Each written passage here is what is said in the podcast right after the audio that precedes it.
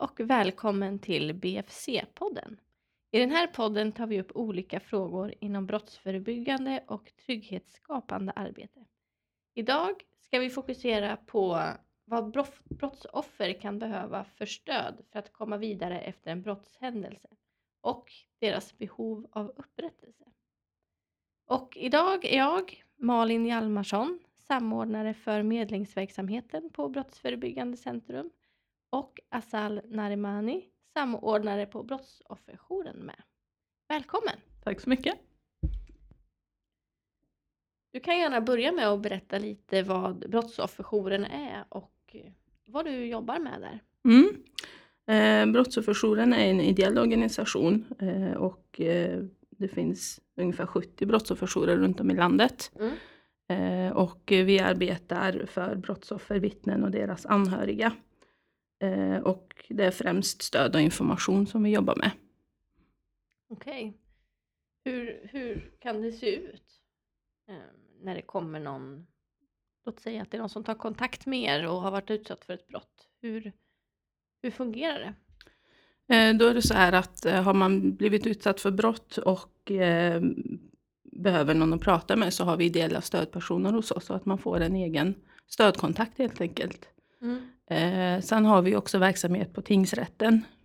Så ska man vittna eller målsägande eh, så finns det möjlighet att få en person på plats där som kan hjälpa till eh, och visa runt och eventuellt också följa med i, in till salen om man skulle vilja det. Mm.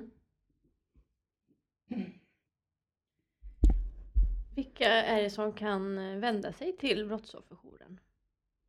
Ehm, ja, det är egentligen alla eh, som har blivit utsatta för brott eller upplever själva de har blivit utsatta för brott. Mm. Ehm, och man behöver inte ha gjort en polisanmälan heller utan alla som har några frågor om, om just det här med brott och vad, vad som är brott också mm. Eh, kan vända sig till oss.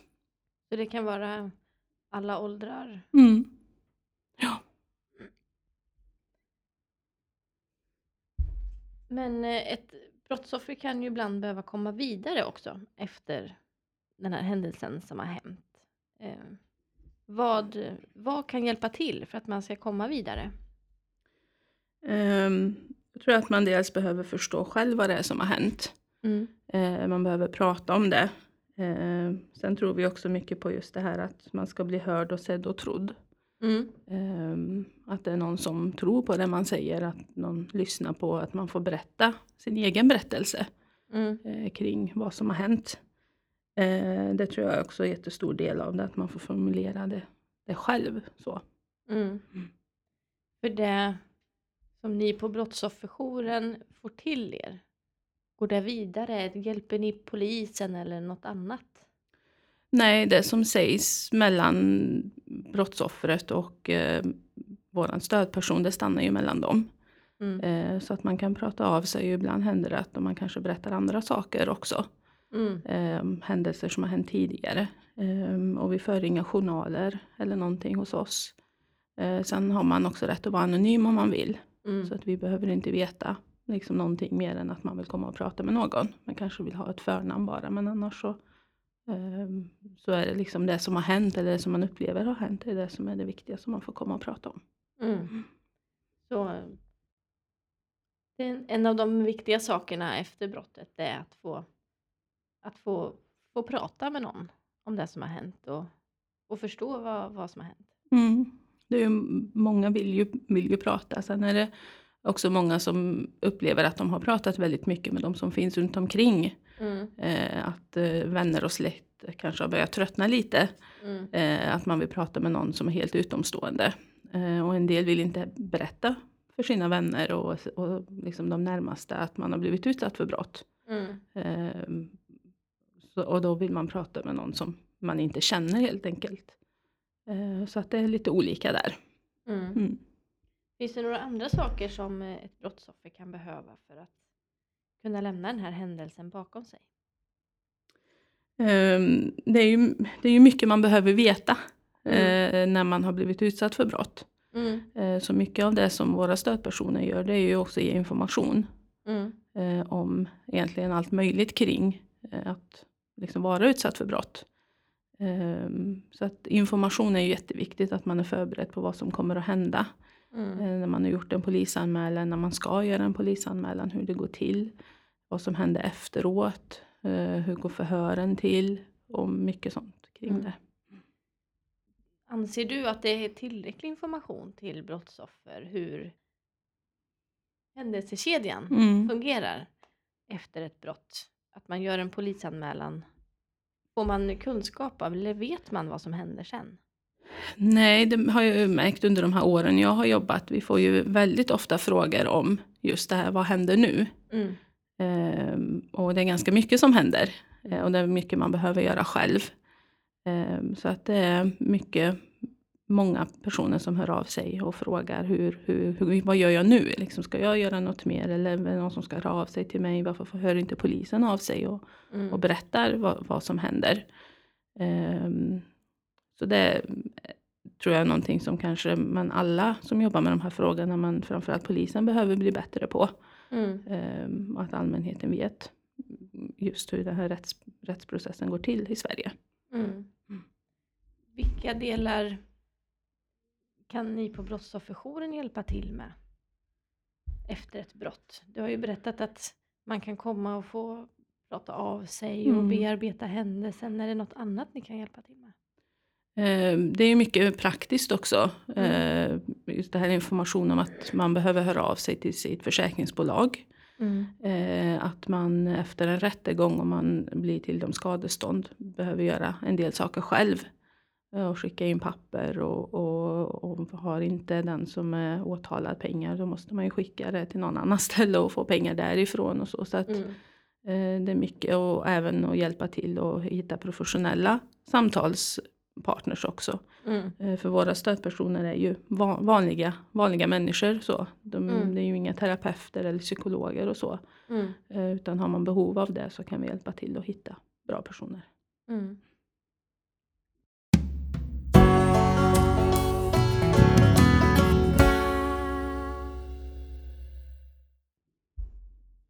Ibland kan det ju vara så att man som brottsoffer känner att man har ett behov av upprättelse. Hur ser du på det? Eh, det är också väldigt olika ehm, att eh, just vad upprättelse är för någonting. Det är mm. väldigt olika för olika personer. Eh, en del känner att, att när man väl har gjort en polisanmälan oavsett vad som händer sen så känner man att man själv har tagit liksom steget och gjort någonting och att då mm. känns det klart liksom efter det. Mm. Eh, en del liksom tänker på det ekonomiska, att man skulle vilja ha ersättning för det som man blivit utsatt för. Mm. Eh, man kanske vill att personen som har gjort det här ska erkänna att, jag har ju, att, att man har blivit liksom, eller har utsatt någon annan för, för någonting. Eh, så att det, det är väldigt olika. Mm. Mm. För här eh, på Brottsförebyggande centrum så jobbar vi med medling. Och då finns det möjlighet för brottsoffer att träffa gärningspersonen. Eh, om gärningspersonen erkänner sin del av brottet och båda vill träffas. Mm. Och i det mötet så kan man få till någon form av avtal. Eh, man kan också få som brottsoffer få ställa sina frågor och man kan få berätta om vad som har hänt och hur det har påverkat en som brottsoffer. Men i slutet så kan man som sagt var få diskutera behoven. Vilka behov har brottsoffret mm. efter händelsen och på vilka sätt kan den som har utsatt brottsoffret för brottet, hur kan den personen tillgodose de här behoven? Eller kan man tillgodose dem på, tillsammans på något mm. sätt? Skulle det kunna vara någon form av upprättelse för brottsoffret? Ja, det kan det absolut vara. Det beror säkert på, återigen, liksom vilken mm, vart, vart brottsoffret befinner sig i sin process. Mm. Eh, och som du säger, vad man behöver. Mm. Eh, jag, tror, jag tror att det är jätteviktigt att i alla fall få erbjudandet om, om att få vara med om, om medling. Mm. Eh, där man får ställa sina, sina frågor och sånt som man funderar på. Mm. Eh, för utifrån vår verksamhet där vi träffar brottsoffer vet vi att det är mycket frågor. Mm. Eh, och det som vi nämnde förut, just varför hände det här mig? Var, varför, varför var det jag? Varför är jag den utvalda? Så. Eh, och få ställa de frågorna och få, få någon typ av svar som Mm. man kan liksom ändå känna sig nöjd med kan ju vara jätteviktigt i en process. Mm. Där man kan lägga händelsen bakom sig. Mm. Finns det andra sätt att få upprättelse på? Eh, För nu, vi har pratat om att göra polisanmälan kan vara ett sätt att få Mm. upprättelse eller att få en ekonomisk ersättning efter brottet eller till exempel att gärningspersonen blir döm- dömd till Mm. ett straff eller att man får ställa sina frågor. Eh, Finns det något annat sätt att få upprättelse på? Ehm, ja, det finns säkert massor med olika sätt. Men eh, det kan ju också vara att, att man kanske blir trodd också. Ja. Ehm, att det kanske räcker med att, att någon säger att "Ja, men jag tror på det, på det du säger. Mm. Eh, att man får liksom tillfälle att, att berätta. Eh, Man kanske har berättat för vissa innan och inte blivit trodd. Mm. Eh, och att man kommer till någon som bara sitter och lyssnar. Mm. Och inte liksom ställer massa frågor eller inte liksom lägger in egna tankar och värderingar i det som man berättar. Att det kanske kan räcka för vissa.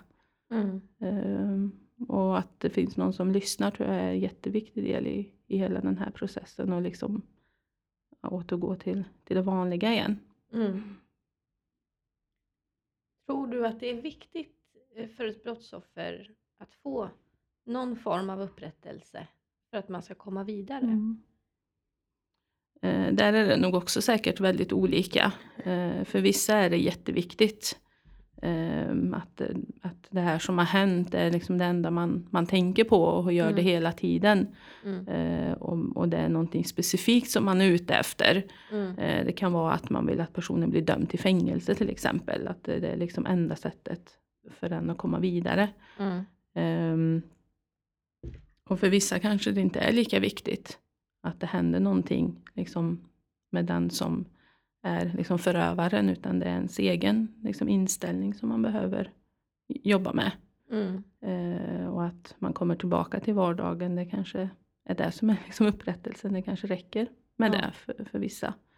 Eh, det beror nog mycket på återigen vilken typ av person man är och hur man mår sedan innan och Mm. vad det är som har hänt. Mm. Så det är väldigt, väldigt individuellt Mm. både vilka reaktioner man har och vilka behov man Mm. har och hur, hur man kan gå vidare Mm. efter händelsen. Ja, det är det. Skulle du säga att de behoven man får efter ett brott, om det är stora behov eller små behov, om man kan se något samband mellan grovt eller mindre grovt brott?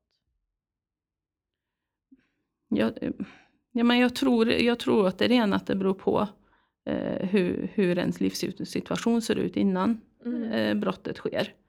Ehm, och vad man har varit med om tidigare och hur man, liksom, hur man hanterar olika saker som sker i livet. Mm. Så det behöver inte vara ett, ett grovt brott juridiskt sett som ger Mm. en stor reaktion utan eller ett stort behov av upprättelse utan Mm. det kan vara ett, ett mindre brott som ger ett, ett stort behov eller en, en, ett stort behov av upprättelse. Mm. Ja, nu, kan, nu vet jag inte om det finns någonting forskat kring det eller så, men jag tänker utifrån de åren som jag har jobbat och de jag har pratat med så, är det den, så upplever jag att det, är- att det är så att det är väldigt individuellt. Liksom, Mm. Och inte något samband liksom, på det sättet. Mm. Mm. Om, vi, om vi tänker oss den bästa av alla världar, hur skulle då det bästa stödet för ett brottsoffer kunna vara? Ehm, jag tror att det är många som har behov av att prata med någon. eh, men som kanske inte får chansen och tillfället att göra det. Eh, Jag tror att liksom, organisationer som oss och polisen måste liksom samarbeta mycket bättre. Mm. Eh, För vi vet att vi brukar prata om förmedlingsprocent, hur många som blir förmedlade till brottsofferstödjande verksamhet Mm. eh, av alla som gör en polisanmälan och jag tror att den ligger på en 4-5 procent. Ja. Eh, Så det är väldigt få som kommer till stödverksamheter. Liksom, verksamheter. Ja. Eh, och bara där tror jag att man skulle kunna göra mycket mer. Så för att ett brottsoffer ska få det så bra som möjligt så behövs fler brottsoffer behöver komma till en brottsofferstödjande verksamhet. Mm. Men då tackar jag så mycket för din medverkan och för din tid här Tack. idag. Mm. Eh, och så återkommer vi här från Brottsförebyggande Centrum med en ny podd om brottsförebyggande arbete inom snar framtid.